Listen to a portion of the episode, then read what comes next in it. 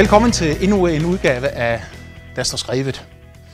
Vi er i fuld gang med en gennemgang af Guds frelsesplan fra epoke til epoke, fra tidsalder til tidsalder.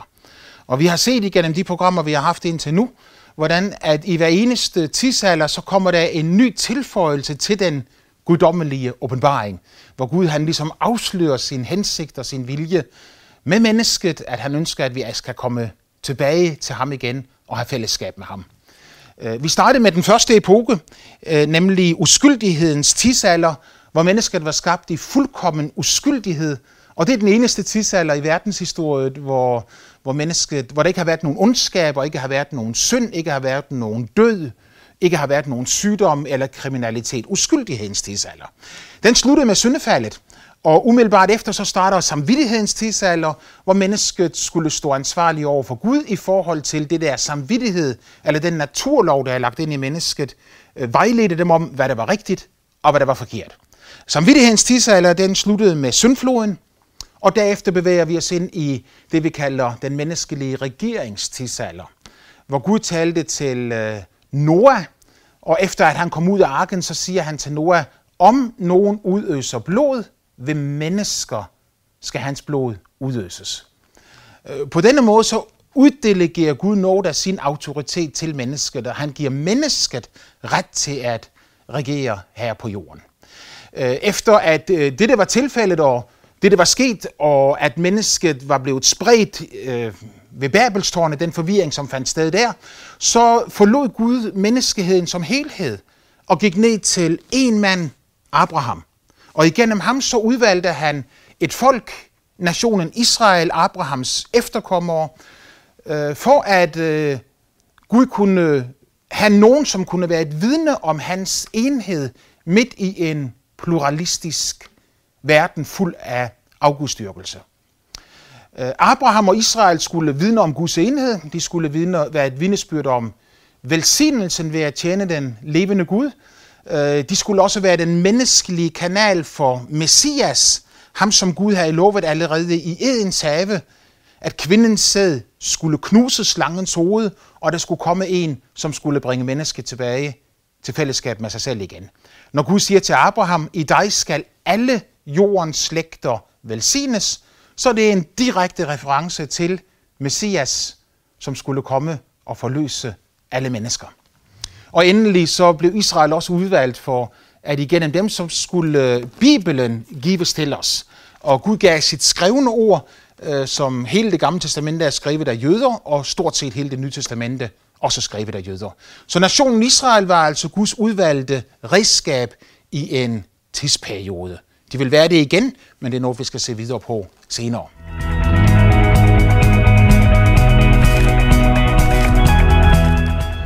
Efter at Abrahams efterkommere havde tilbragt 430 år i Ægypten, oprejste Gud som Moses, som førte folket ud af Ægyptens land. Derude i ørkenen, der blev øh, Israel til en nation med regler, bud og anordninger. Og alle de bud og anordninger, som blev givet der, det så vi på i vores øh, sidste program, øh, de var ikke givet til mennesket for, at mennesket skulle holde dem. Der er så mange, der tror, at øh, det at leve som en kristen, det er regler og bud, regler og bud. Og der er ovenikøbet nogen, der tror, at øh, hvis vi nu holder alle regler og bud, så synes Gud rigtig godt om os. Sandheden er den, at Gud ved, at intet menneske kan holde alle hans bud og regler. Øh, de ti bud er ganske enkelt ikke givet til os, for at vi igennem dem skulle finde Gud, men de er givet til os, som vi så i vores sidste program, øh, for at øh, de skal være en tugtemester til Kristus. Altså med andre ord, så skulle mennesket igennem det at øh, lære loven at kende, opdage sin egen virkelige tilstand, nemlig at vi er faldet i synd, og at vi derfor mangler Guds herlighed. Øh, loven skulle så overbevise os om denne synd, og at vi har behov for en frelser. Øh, efter at lovens tidsalder så øh, nærmede sig sin afslutning, så når vi frem til det tidspunkt, som øh, vi skal se på her i dag, Galaterbrevet 4.4, hvor der står sådan her, men da tidens fylde kom, udsendte Gud sin søn, født af en kvinde, født under loven, for at han skulle løskøbe dem, der var under loven, for at vi skulle få barnekår. Altså med andre ord, da tidens fylde kom, et bestemt tidspunkt i verdenshistorien, da kom Jesus, der blev han født af en jomfru i Bethlehem i Israels land. Han er opfyldelsen af alle gamle, gammeltestamentlige profetier om en frelser og en befrier. Han er kvindens sæd, som det var profeteret om allerede i Edens have.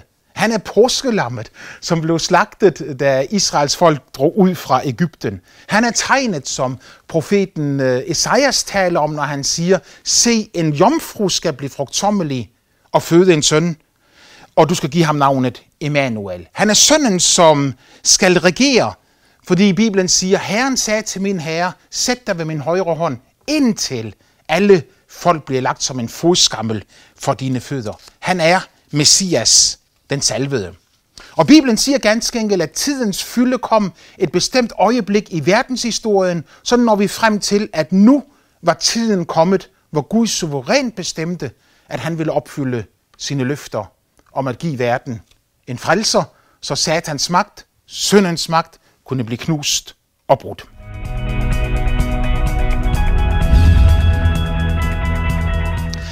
Begyndelsen til det, det var, når, når øh, Gud sendte englen Gabriel til Maria, og derefter til Josef.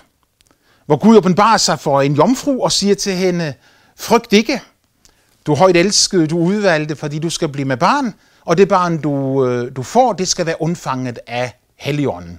Selvfølgelig var Maria forvirret, og hun siger også til englen, hvordan skal det gå til, at jeg skal få et barn, når jeg aldrig har været sammen med nogen mand?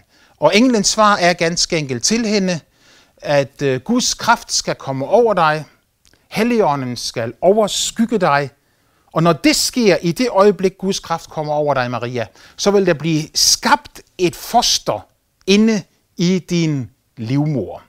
Et øh, barn vil blive til, ikke ved naturlig menneskelig undfangelse, men ved at Helligåndens og Guds skaberkraft kommer over dig. I dette foster skulle så Messias, Jesus, Guds søn, tage bolig. Det er måske noget, der er meget svært at, at, at forklare og forstå også, men øh, selve grundtanken af denne her, at det barn, som Maria bar på i sit moderliv, var sand Gud og sandt menneske på samme tid. Han var sandt menneske, fordi han faktisk øh, boede, levede og voksede inde i Marias moderliv, indtil han blev født. Og han var sand Gud, fordi at han kom fra Guds egen trone fra evighed af. Bibelen beskriver Gud som en treenig guddom, fader, søn og helligånd.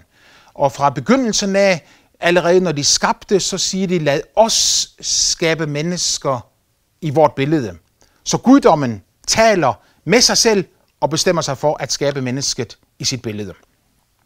Og den anden person i, i denne guddom, Jesus Kristus, han valgte altså efter guddommens eget, egen beslutning, eget valg og egen råd, så valgte han at blive født af en kvinde, født under loven. Og Bibelen beskriver, at han, da han så voksede op, var også lige i alle ting. Øh, der er ikke nogen, der har sagt det stærkere end øh, Paulus, han sagde det i Filippebrevet. Når han i Filippebrevet, det andet kapitel, siger, at vi skal lade det samme sindelag være i os, som var i Kristus Jesus. Og så beskriver han dette sindelag i det, han siger, at da han var i guddoms skikkelse, holdt han det ikke for et røvet bytte at være gudlig. Øh, et røvet bytte, det var netop det, Satan prøvede på at gøre, dengang, da han var en salvet og skærmende kerub i himlen. Og han gjorde oprør imod Gud, og ved et røvet bytte forsøgte på at blive Gud i stedet for Gud. Altså at vælte Gud af tronen, og så selv sætte sig på, på skabertronen. Så tåbeligt som det var, så var det alligevel det, der var hans plan. Og Bibelen er utryggelig med at sige, at Jesus er ikke en engel. Han holdt ikke for et røvet bytte at være gudlig. Det var ikke noget, han havde taget eller stjålet eller, eller, eller tilegnet sig. Han er ganske enkelt Gud fra evighed af, uden begyndelse og uden afslutning. Han holdt ikke for et røvet bytte at være gudlig, men, siger Paulus, han gav afkald. Og dette udtryk, han gav afkald, hvis du ser på det græske sprog, så står der helt konkret og klart, at han tømte sig selv. Vi tror, at Jesus tømte sig selv for hele sin øh, guddommelighed. Han tømte sig selv for, sin, for de egenskaber, som, som, som særkendetegner Gud. Øh, grundlæggende kan du sige det, at Gud han har tre egenskaber, som intet andet væsen har.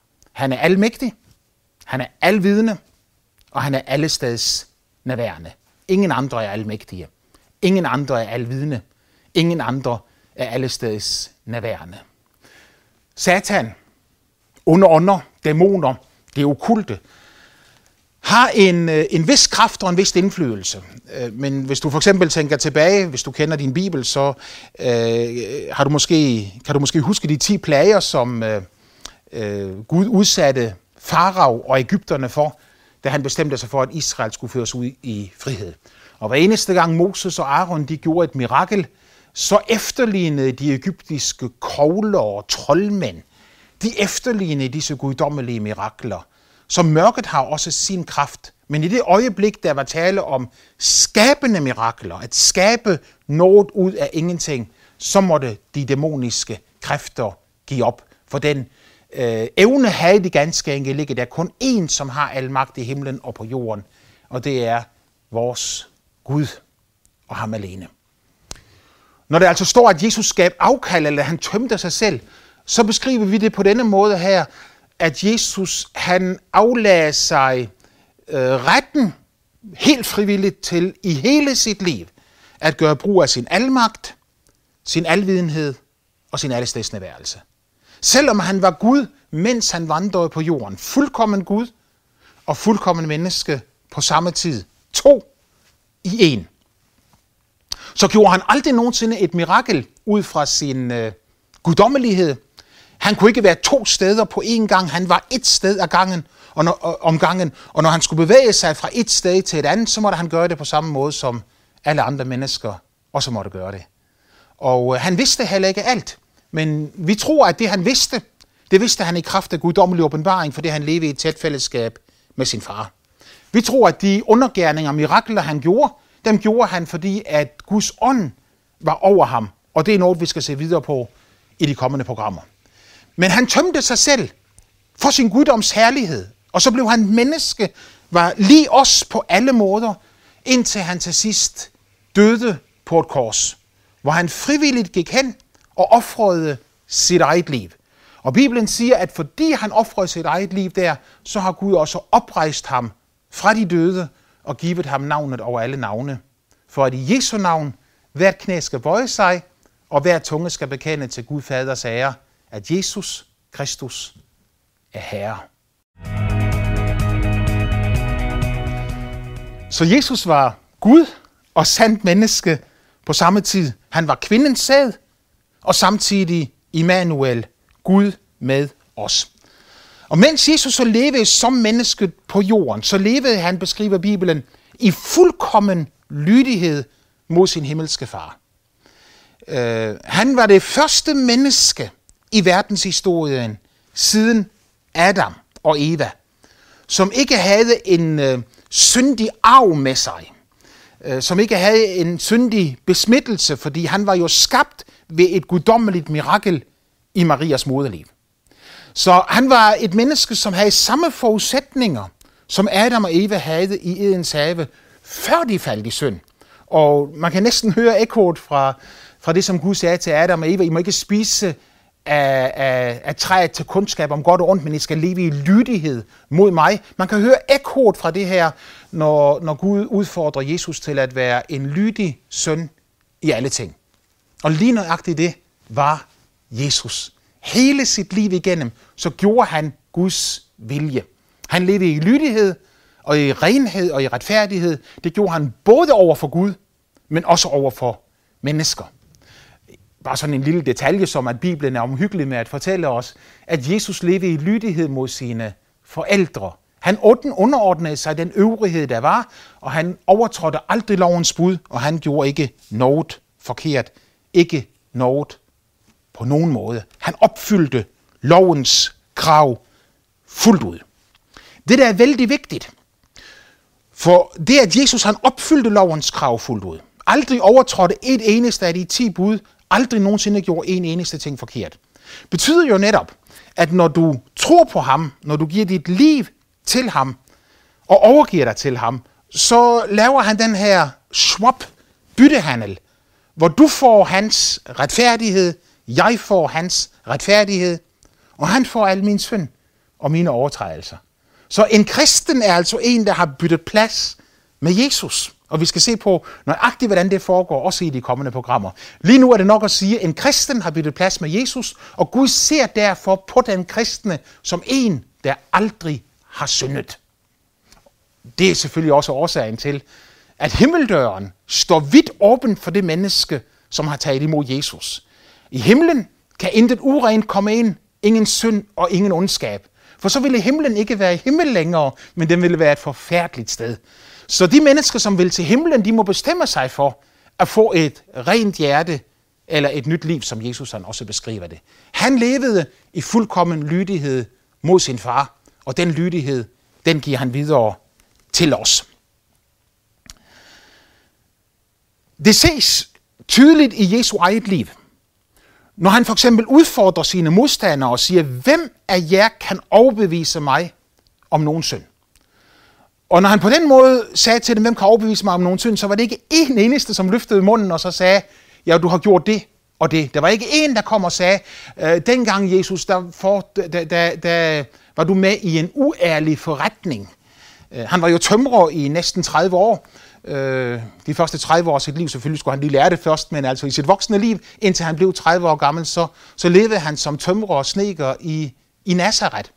Men han øh, var en mand, som aldrig nogensinde havde uærlige forretninger, eller på nogen måde snød sine kunder, øh, eller ikke holdt, hvad han lovede. Og det gjorde han hele sit liv igennem. Hvem kan overbevise mig om nogen synd? Og alle var tavse, når Jesus sagde det. Øhm, røveren på korset. En af de to, som døde samtidig med Jesus. Efter at han i begyndelsen hånede Jesus, da han så på ham og, og mærkede den renhedskraft, der strømmede ud fra ham, så siger han til sidst, denne mand, han har intet ondt gjort. Pilatus, når han skulle dømme Jesus, så siger han, jeg finder ikke noget at dømme denne mand for. Han var fejlfri og fuldkommen på alle måder. Farisæerne forsøgte på at gøre Jesus til lovovertræder.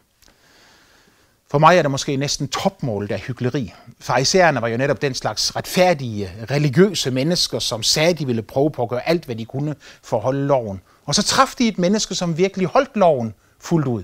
Og i stedet for at klappe i hænderne og juble over ham, så kom janteloven i funktion allerede i det gamle Israel. Og øh, farisæerne, de gjorde alt, hvad de kunne for at få Jesus til at falde i en lovovertrædelse. Øh, på mig virker det næsten som om, at, at, at når farisæerne så på sig selv, at de syntes, de var så rene og retfærdige, men når Jesus kom i nærheden af dem, så oplevede de lige pludselig, at deres egen renhed, den var ingenting værd. Øh, deres hvide klædning blev simpelthen gullig i det øjeblik, Jesus kom forbi med sin hvide klædning og sit strålende lys. Og det blev de så harme og sure over, at de gjorde alt, hvad de kunne for at få Jesus til at falde i synd. Øh, en af de gange, hvor de gjorde det, fortæller Johannes os om i, i sit evangelium. Øh, de bragte en kvinde til ham, og Bibelen siger, at hun var grebet på færdskærning i hår. Øh, hun var, de havde altså taget hende, mens hun havde haft øh, sex med en mand, som Bibelen siger, hun ikke havde ret til at have sex med. Og nu, så kommer de med hende til Jesus og siger til ham, Jesus, Moses siger, at den slags skal stenes. Hvad siger du? Allerede bare det, at hun er grebet i færdskærningen skærning på hår, viser jo farisæernes hyggeleri. Jeg vil sige, hvis hun er grebet på færdskærning, hvorfor i alverden kommer de så med hende, og ikke manden? Hvor er han henne? Er hun grebet på færdskærning, så må man jo formode, at han ikke var ret langt borte den dag, det greb hende. Øh, det næste det er, at de lægger en fælde op for Jesus, fordi at øh, når Moses havde bestemt, at den slags menneske skulle, skulle stenes, så er det igen lovens krav, der kommer frem, at Gud vil renhed, sandhed og ægthed hele vejen igennem. Hvis Jesus nu ville adlyde Mosebud og stene denne kvinde til døde, så ville det være en modsigelse mod alt det, han har gjort indtil nu i sit liv. Men hvis han ikke gjorde det, så ville han tydeligt fremtræde som et menneske, der ikke holdt loven.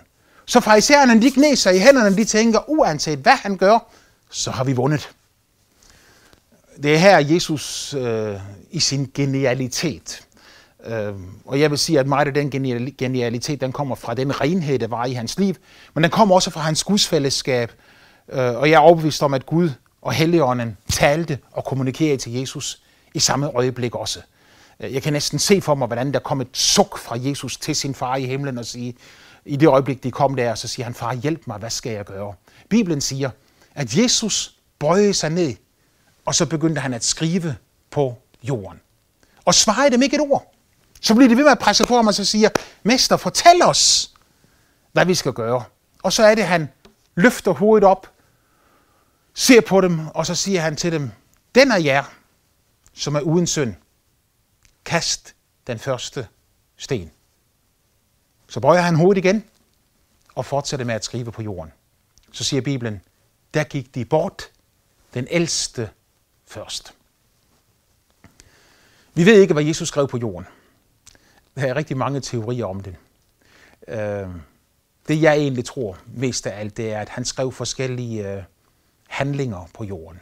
Han skrev forskellige overtrædelser på jorden, bare sådan i stikordsform. Penge, tyveri, slader, bagtalelse, ondskab, misbrug og så videre. Og jeg tror, at de folk, som stod omkring ham der, de følte sig så rene og retfærdige, indtil Jesus han skrev et ord, som passede ind i deres liv. I samme øjeblik, som de så det, så kom skylden over de forkerte ting, de havde gjort, væltende tilbage til dem som en stormflod, og de bøjede hovedet, og det gik bort. Øh, det er måske også årsagen til, at der står, at de ældste gik bort først. Øh, de ældste var dem, der havde levet længst, og dermed også har haft flest år til at leve i urenhed og begå overtrædelser, som vi alle sammen begår og alle sammen oplever i vores liv. De gik bort de ældste først. Til sidst så er der kun Jesus og kvinden tilbage, og Jesus ser på hende, og så siger han, Kvinde, var der ingen, der fordømte dig? Hvortil hun svarer, nej, mester, ingen. Og så siger han, som var den eneste, der var skyldfri og syndfri, og som faktisk havde retten til at tage en sten op og kaste den afsted, hvis han ville det. Men det var så langt fra hans natur. Han siger til hende, kvinde, heller ikke jeg fordømmer dig. Gå bort og synd ikke mere. Jesus holdt loven perfekt og fuldkommen på alle måder. Det betyder også, at da han blev dømt til døden, så blev han ikke dømt til døden på grund af en overtrædelse, men han blev dømt til døden ganske enkelt på grund af, at de ikke tålte den renhed og sandhed, som strålede ud fra ham. Han døde ikke for sine egne synder. Han døde ikke for sine egne overtrædelser. Jesus Kristus døde for dig og mig. For at få verdens største mirakel til at finde sted. Nemlig at du og jeg, vi kan blive venner med Gud igen og få lov at leve i fællesskab med ham. Vi ser videre på det i næste program.